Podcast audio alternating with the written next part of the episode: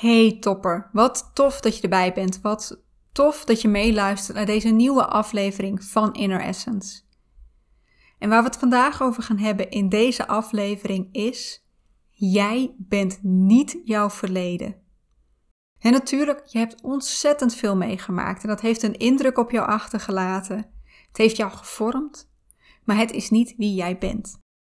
En het is niet jouw identiteit. En zolang, dat, zolang je dat wel gelooft, Zolang dat voor jou wel zo voelt, en zolang gaat het verleden als een soort van gevangenis zijn. Ga jij dat wat er in jouw verleden is gebeurd als een soort van label zien, als een stempel voor wat jij waar bent, waard bent. En voor veel van ons betekent dat een negatief stempel. Ja, en dit klinkt misschien heel groots. Het voelt voor mij ook echt als iets heel groots. Ja, het is mijn missie om mensen meer zelfliefde te laten ervaren, een beter beeld van zichzelf te laten krijgen. En dan is het ja, bijna onmisbaar om meer los te komen van dat verleden. Om dat verleden niet langer te zien als de persoon die jij bent. En je ook, want dit is ook wat heel vaak gebeurt, je ook niet langer schuldig te voelen over wat er is gebeurd. Dus luister zeker mee als jij die verbinding met jezelf wilt herstellen.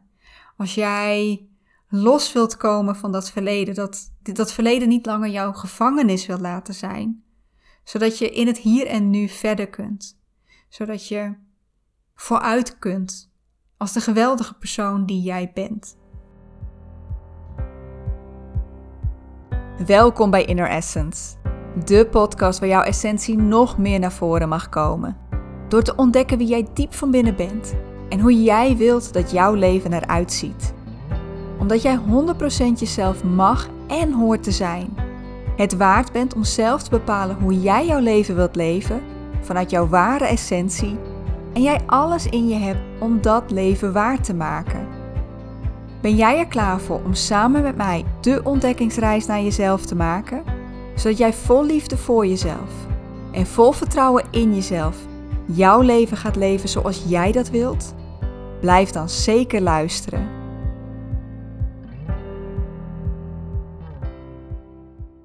Hey lieverd, wat fijn dat je erbij bent. Wat fijn dat je meeluistert, dat ik jou hier weer mag verwelkomen en dat je, ja, dat je jezelf ook de tijd en de ruimte geeft om hier naar te luisteren, om dit tot je te laten komen. En waar ik het vandaag over wil hebben is iets wat ik heel sterk geloof. Wat ik heel diep van binnen voel. En wat mij dan ook echt ontzettend veel pijn doet als ik het tegenovergestelde zie gebeuren. Want voor heel veel mensen voelt dit niet zo.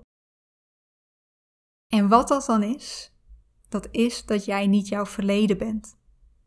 En natuurlijk, we hebben allemaal ontzettend veel dingen meegemaakt.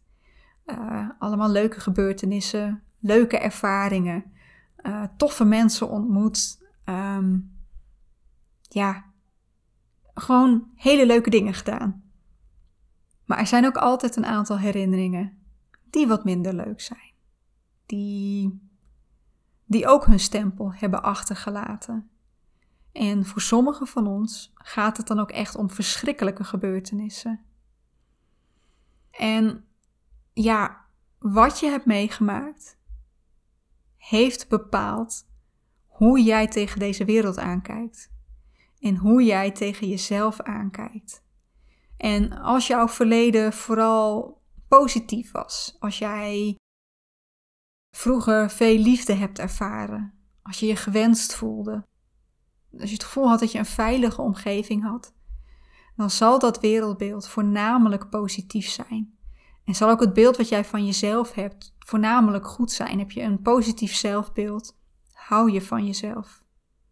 Maar voor veel van ons was het niet allemaal roze geur en maneschijn. Uh, hebben we ook dingen meegemaakt die ons dat gevoel niet gaven. Die ons het gevoel gaven dat we niet geliefd waren. Misschien zelfs ongewenst. En dat het onveilig was. En dan, dan wordt je beeld anders dan wordt je beeld van de wereld negatiever. Dan is de wereld zwaar. Is de wereld gemeen. Ehm, is het ja, moeilijk. En wordt ook je zelfbeeld negatief. Dan ben je het niet waard. Dan hoor je er niet te zijn. Dan doe je er niet toe. En ja, ik, ik beschrijf nu als hoe het is, hoe je hele jeugd is geweest. Uh, maar het kan ook zijn dat er een aantal, eigenlijk misschien een gebeurtenis die maar één keer heeft plaatsgevonden, die dat hele wereldbeeld lijkt te veranderen. Nou denk ik wel dat hoe jouw jeugd is geweest, hè, als jij vooral een positieve jeugd hebt gehad waar je je veilig voelde, zul je beter met tegenslagen om kunnen gaan dan wanneer dat niet zo was. Maar het kan zijn dat je iets gebeurt waardoor, je, waardoor dat beeld eigenlijk van de ene op het andere moment omslaat. En waar ik het bijvoorbeeld veel zie gebeuren, is bij seksueel geweld. Dat iemand die te maken heeft gehad met seksueel geweld, van het een op het andere moment zichzelf niks meer waard lijkt te vinden. Het gevoel hebben dat ze niet meer goed genoeg zijn. Dat ze beschadigd zijn en misschien wel gewoon minder waard omdat ze zijn misbruikt. En ik vind dat een hele belangrijke om wel naar te kijken, want eigenlijk zegt wat jou is overkomen helemaal niks over jou. En dan wil ik het nog wel even hebben over, over pijn. Want wat je hebt meegemaakt, wat het ook is geweest, het mag wel pijn doen. Het, het, die pijn is er om te kunnen helen, om het te kunnen verwerken, hoe uh, contra-intuïtief dat ook klinkt. Het, het, het heeft een nut voor je. Ik ga je dus ook niet vragen om die pijn los te laten of om het positieve ervan in te gaan zien. Want die pijn, die, die pijn die mag er zijn. En jouw pijn heeft net zoveel recht om er te zijn als de pijn van iemand anders. De pijn van de een is niet per definitie groter dan die van een ander. En dat is een inzicht wat ik kreeg uit het boek De Keuze uh, van Edith Eger. Misschien ken je hem wel. Het gaat over het leven van, van Edith Eger, die als tiener in de Tweede Wereldoorlog terechtkwam. Ze is Joodse. En um, volgens mij was het Hongarije, maar dat weet ik niet helemaal zeker. Maar ze wordt opgepakt en komt met haar familie terecht in Auschwitz. En echt ook de hel van Auschwitz. Ze verliest daar eigenlijk haar hele familie. Ze maakt de meest verschrikkelijke dingen mee. Echt op een niveau dat ik denk: hoe? Hoe heb je dat overleefd? Hoe kon je dat overleven? Ik heb hetzelfde als ik het boek van Viktor Frankl lees. Echt die, die ontberingen. Ik, ik weet niet of ik het aan zou kunnen. Echt niet. Uh, dus ja, weet je, als we het hebben over verschrikkelijke herinneringen, verschrikkelijke ervaringen, nou dan, dan, dan staat dit wel bijna aan de top. Maar een van de belangrijkste boodschappen die ik uit haar boek haalde, die, die me echt is bijgebleven, is het feit dat we allemaal onze eigen pijn hebben. En dat die pijn er ook gewoon mag zijn. Want, en volgens mij beschrijft dit echt al in het begin van haar boek, ik weet niet of het de inleiding was of het eerste hoofdstuk. Maar uh, ze is later psychologe geworden en ze vertelt van twee van haar sessies. En de eerste sessie is met een vrouw, een moeder, die na een lang ziekbed, een slopend ziekbed, het ziekbed van haar dochter, haar dochter is verloren. En ze vertelt over hoe ze niet meer, hoe ze niet weet of ze nog wel verder kan. Dat ze niet weet wat ze met deze pijn moet, met, ja, met dit verdriet, met deze rouw. En dat ze het zichzelf ook kwalijk neemt. Ze voelt zich schuldig. En als je dat leest, dan, dan, dan breekt je hart gewoon. En dan denk je ook, ja, weet je, ik kan me, of nou, ik kan me eigenlijk niet voorstellen hoeveel pijn je voelt, maar ik kan me wel voorstellen dat je heel veel pijn voelt. En je hebt ook alle recht om die pijn te voelen, want jouw verlies is zo enorm. En dan komen we bij sessie 2. Sessie 2 is een vrouw die binnenkomt, rijke vrouw, met een rijke man. Uh, ze heeft een gezin, twee zoons geloof ik. En zij komt klagen, zij komt huilen over het feit dat haar nieuwe auto niet de goede kleur heeft. En dan denk je: Mijn god, mens, wat stel je je aan? Waar maak je je druk om? Kijk eens wat je hebt, je hebt niks te klagen. En kijk, ik denk dat, dat Edith Eger deze twee natuurlijk heeft genomen om, om, om dat contrast even extra scherp neer te zetten. Maar het blijkt later dat deze vrouw helemaal niet huilt om die auto. Tuurlijk niet. Dat doen we eigenlijk nooit. Waar zij om huilt, is omdat zij zich eenzaam voelt. Alleen. Het huwelijk wat ze heeft, dat is een verstandshuwelijk. Uh, haar man en zij hebben helemaal geen contact met elkaar. Ze doen niks samen, ze praten niet samen. Ze delen niet hun leven. En haar zoons, die ja, best wel zijn opgegroeid uh, binnen hard werken en, en, en ervoor gaan en uh, zoveel mogelijk geld verdienen, hebben eigenlijk geen respect voor haar, want zij is maar de vrouw van een rijke man. Dus zij huilt omdat zij de connectie met anderen mist, omdat ze zich alleen voelt. En dat niet mij zien dat wij inderdaad allemaal onze eigen pijn hebben, dat de ene pijn niet groter is dan de ander. Dat de een niet meer recht heeft om pijn te voelen dan de ander. Dus ook voor jouw pijn geldt dat die er mag zijn.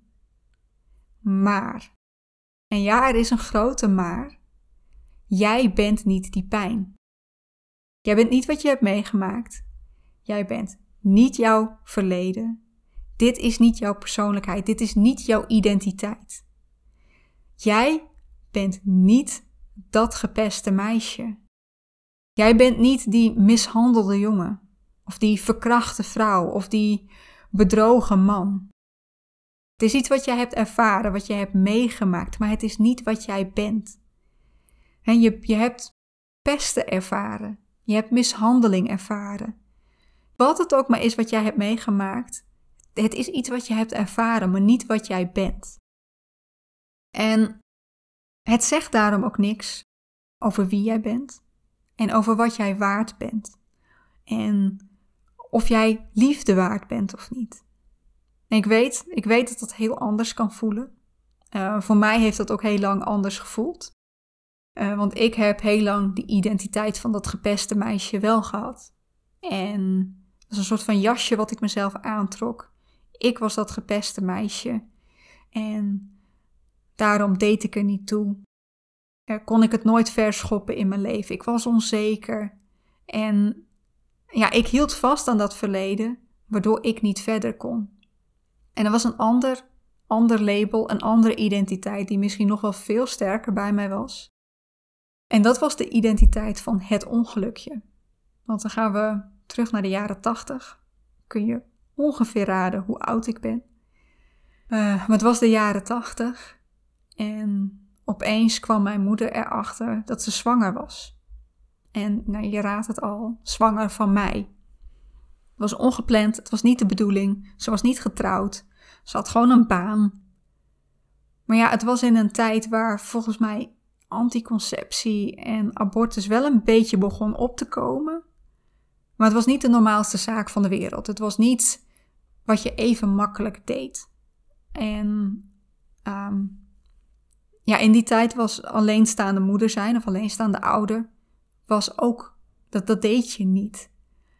Dus mijn ouders zijn getrouwd. Um, nou ja, voor mijn vader, ja, behalve dat hij moest trouwen, dat hij in één huis moest gaan wonen, veranderde er verder misschien niet eens zoveel, want hij kon gewoon verder gaan met zijn werk. Maar mijn moeder stopte ook met werken. Haar leven veranderde echt, nou ja, 180 graden. En ik denk dat ik het altijd wel heb gevoeld dat ik niet de bedoeling was. Maar zeker vanaf het moment dat ik over de bloemetjes en de bijtjes leerde, kreeg zo'n boekje in mijn handen gedrukt waarin werd uitgelegd hoe kindjes gemaakt worden. Sinds ik dat weet, weet ik ook dat ik een ongelukje ben en wat dat betekent. Want ik kreeg ja, toch regelmatig te horen als, meestal als grapje, maar wel als zo'n, ja, ik weet niet, venijnig grapje. Ach, jij bent ook maar een ongelukje. En ook dat is dus heel lang mijn identiteit geweest. Ik heb er zelf ook grapjes over gemaakt. Ik zei zelf ook af en toe gekscherend: ach ja, ik ben ook maar een ongelukje. Maar het vormde mij ook. Want ik kreeg daardoor het gevoel dat ik hier niet mocht zijn. Dat ik hier niet hoorde te zijn. En ik ging geloven dat ik te veel was en dat ik geen liefde waard was. Ik hield mezelf klein. Ik uh, zorgde er vooral voor dat, dat niemand mij kon zien, zodat ik maar niet in de weg liep. Ik maakte mezelf onzichtbaar. En ook dat is heel lang mijn identiteit geweest. En ik kan niet zeggen dat ik ondertussen van al die overtuigingen af ben, hè. Maar ja, dat is wel helemaal hoe ik mijn leven leefde. Ik was dat ongelukje. En dat bepaalde ook mijn richting voor de toekomst. Ja, ik doe dit verhaal niet omdat ik um, eventjes op zoek ben naar medeleven of zo. Ik, dit is geen wow is me verhaal. De reden dat ik je dit vertel is natuurlijk omdat dit voor mij ondertussen enorm is veranderd. Ik ben gegaan van een vrouw die zich ontzettend schuldig voelde, die heel lang heeft gedacht: door mij zijn mijn ouders getrouwd, door mij heeft mijn moeder ontslag moeten nemen. Ik ben de persoon die hun hele leven op zijn kop heeft gezet. Als ik er niet was geweest, waren ze waarschijnlijk veel gelukkiger geweest.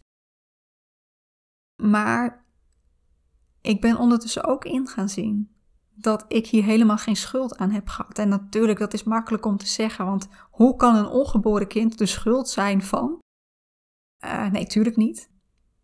Maar het liet mij zien dat ik, ja, dat het niks over mij zei. Dat dit niet is wie ik ben. En dat dit dus ook niks zegt over mijn waarde als mens. En ja, nogmaals, hè, dat klinkt heel logisch over een ongeboren kind. Maar dit geldt ook voor wat jij hebt meegemaakt. En het kan zijn uh, door iets wat jouw hele jeugd heeft gespeeld, waardoor je misschien wel onveilig hebt gevoeld of net als ik ongewenst. Het was niet jouw schuld. Dit is niet iets waar jij iets aan kon doen. En het is dus ook niet iets wat, ja, wat of wie jij bent. maar ook als we kijken naar andere dingen zoals pesten. Heel vaak, hè, als je gepest wordt, en ik, ik herken dat ook heel goed, uh, krijg je de boodschap dat je dan zelf maar weerbaarder had moeten zijn. Dat je sterker had moeten zijn. Dat je van je af had moeten bijten. Dat je niet zo over je heen had moeten laten lopen. Bullshit. Absolute bullshit. Jij kon hier niks aan doen. Hetzelfde geldt voor seksueel geweld. En dan krijg je te horen dat je, dat je die ander niet uit had moeten dagen. Dat je niet. Um, dat je het niet uit had moeten lokken. Je krijgt het gevoel dat je zelf de oorzaak bent geweest, want jij had niet op straat, de straat op moeten gaan in je eentje. Je had niet naar dat feestje moeten gaan. Je had beter op moeten passen met dat drankje. Je had je anders moeten kleden. Weet ik veel wat je allemaal te horen krijgt, maar het voelt allemaal als zijnde: het is jouw schuld. En ja, ik, daar durf ik nu niet te diep op in te gaan, want dat zou ik echt na moeten zoeken hoe dat ook alweer zit. Maar volgens mij doen heel veel mensen dat omdat ze eigenlijk niet goed weten hoe ze ermee om moeten gaan, hoe ze er voor jou moeten zijn. En het is makkelijker om dan de schuld maar bij jou neer te leggen. Maar die schuld, wat er ook in jouw verleden is gebeurd, die ligt niet bij jou. Jij hebt het niet uitgelokt. Jij hebt het niet veroorzaakt. Jij was niet zwak. Ook al ben je niet genoeg in verweer gegaan om het te laten stoppen, hoe je er ook op hebt gereageerd, het kwam niet door jou. In eigenlijk alle gevallen, ik wacht, nee, het is niet eigenlijk al, het is gewoon in alle gevallen, is de oorzaak de pijn van de ander. De pijn van de persoon die dit, dit jou heeft aangedaan, wat het ook is geweest.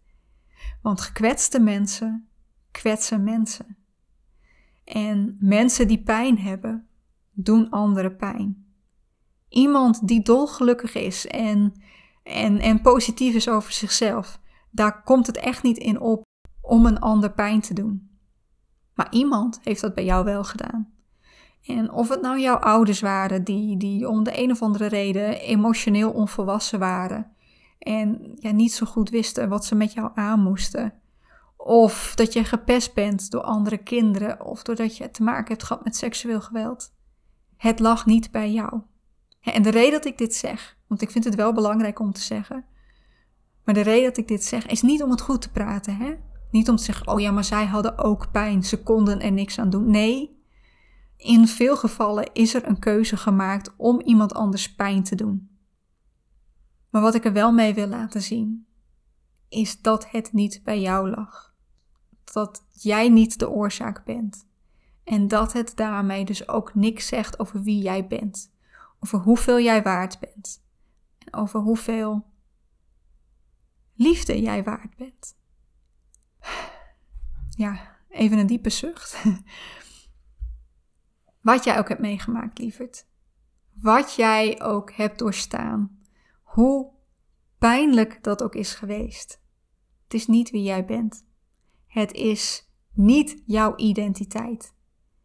Laat alsjeblieft los dat, dat dit iets is wat jouw waarde bepaalt. En of dat dit iets is wat bepaalt hoe goed jij bent of niet. En, en ja, jij bent gewoon ontzettend waardevol. En je bent zoveel liefde waard. En dit is een uitspraak die ik een, uh, eigenlijk nog maar vrij kort geleden tegenkwam. En dat was de vergelijking met in de auto rijden. En de vraag van hoe kun jij een auto besturen? Hoe kun jij vooruitkomen met een auto? Hoe kun jij je richting bepalen? Als jij continu in de achteruit, achteruitkijkspiegel blijft kijken, dan kom je niet vooruit. Dan weet je niet waar je naartoe gaat. En dat is ook wat er gebeurt op het moment dat jij gelooft, dat jij voelt dat jij jouw verleden bent. Want dan blijf je in die achteruitkijkspiegel kijken. Blijf je kijken naar wat er is geweest. En blijf je dat ja, eigenlijk als richting gebruiken voor waar je naartoe gaat. En dat is vaak niet naar een beter leven. Dus zullen we eens wat vaker loskomen van dat verleden. Ik wil je echt vragen om een keertje. En, en dat, dat, dat is niet iets wat je van de een op de andere dag lukt. Hè? Dat, dat is een pad wat je ingaat. Maar dat je het voornemen neemt om dat verleden een keer los te laten. Om dat niet te zien als wie jij bent. Zodat je je kunt, kunt gaan richten op het hier en nu. Op, op wie jij nu wilt zijn. Want ik, ik geloof gewoon echt dat jij gewoon een ontzettend mooi mens wil zijn. Wat vooruit wil. Wat wil genieten van dit leven. Die fijne, liefdevolle relaties wil met anderen, maar ook, ook met jezelf. En ja, dat je gewoon iemand bent die ten volste van dit leven wil genieten. En daarmee ga ik afsluiten. Lieverd, ik hoop, ik hoop dat je deze podcast goed hebt kunnen ontvangen. En dat het, ik verwacht niet van je dat dit van de ene op de andere dag verandert. Dat je nu opeens denkt, oh, goh, Anneke heeft helemaal gelijk. Vanaf nu is dit wat ik geloof en wat ik voel. Nee, dit, dit is echt een pad wat je ingaat, wat langer gaat duren. Maar ik hoop dat er een zaadje is geplant. Wat mag gaan wortelen, wat mag gaan ontspruiten, waardoor je dit steeds meer gaat zien. Ik wil je bedanken voor jouw tijd en jouw aandacht. Dat jij ja, de tijd hebt genomen, de ruimte voor jezelf ook hebt gemaakt om deze podcast te luisteren. En ik kan me voorstellen dat dit heel veel bij je heeft losgemaakt. Uh, ik kan me ook voorstellen dat het weerstand oproept. Heel goed mogelijk. En als je daarover iets wilt delen, als je daar ja, een keertje met mij over wilt hebben, dan mag je altijd contact met me opnemen. Stuur me in dat geval een DM op Instagram. Dat kan op inner-essence.nl. Of stuur me een e-mail als je dat liever hebt op anneke.inner-essence.nl. Ik ga hier heel graag met je over in gesprek. Ik wil je heel graag helpen om dat zaadje bij jou te planten. Dus ja, neem vooral contact op. En vond je deze aflevering nuttig? Vind je deze podcast nuttig? Uh, ja, weet je, een podcast als dit moet het gewoon hebben van het aantal mensen dat het bereikt. En ik kan dat niet altijd in mijn eentje. Ik kan dit niet bij iedereen onder de aandacht brengen. Dus als jij deze podcast zou willen helpen, zou je deze dan met mij voor, voor mij met anderen willen delen? Raar, kom opeens niet meer uit mijn woorden. Um, en dat kun je doen door, door jouw vriendinnen of jouw vrienden waarvan je denkt, oh, die kunnen dit goed gebruiken, door het direct met ze te delen. Maar waar je me ook, of waar je deze podcast ook enorm mee steunt, is als je dit voor mij deelt op Instagram, in de stories. Als je daar een screenshot maakt ja, en naar deze podcast verwijst. En als je mij dan in tagt, kan ik daar ook op reageren. Wil ik jou nogmaals hartelijk bedanken dat je hier was, dat je mee hebt geluisterd ja, dat je dit voor jezelf hebt gedaan. En ik wens je nog een hele fijne dag, wat er vandaag ook op je pad mag komen. Hoe mooi of minder mooi dat ook mag zijn. Ja, en ik hoop jou de volgende keer weer te mogen verwelkomen bij de podcast, bij Inner Essence. Tot de volgende keer.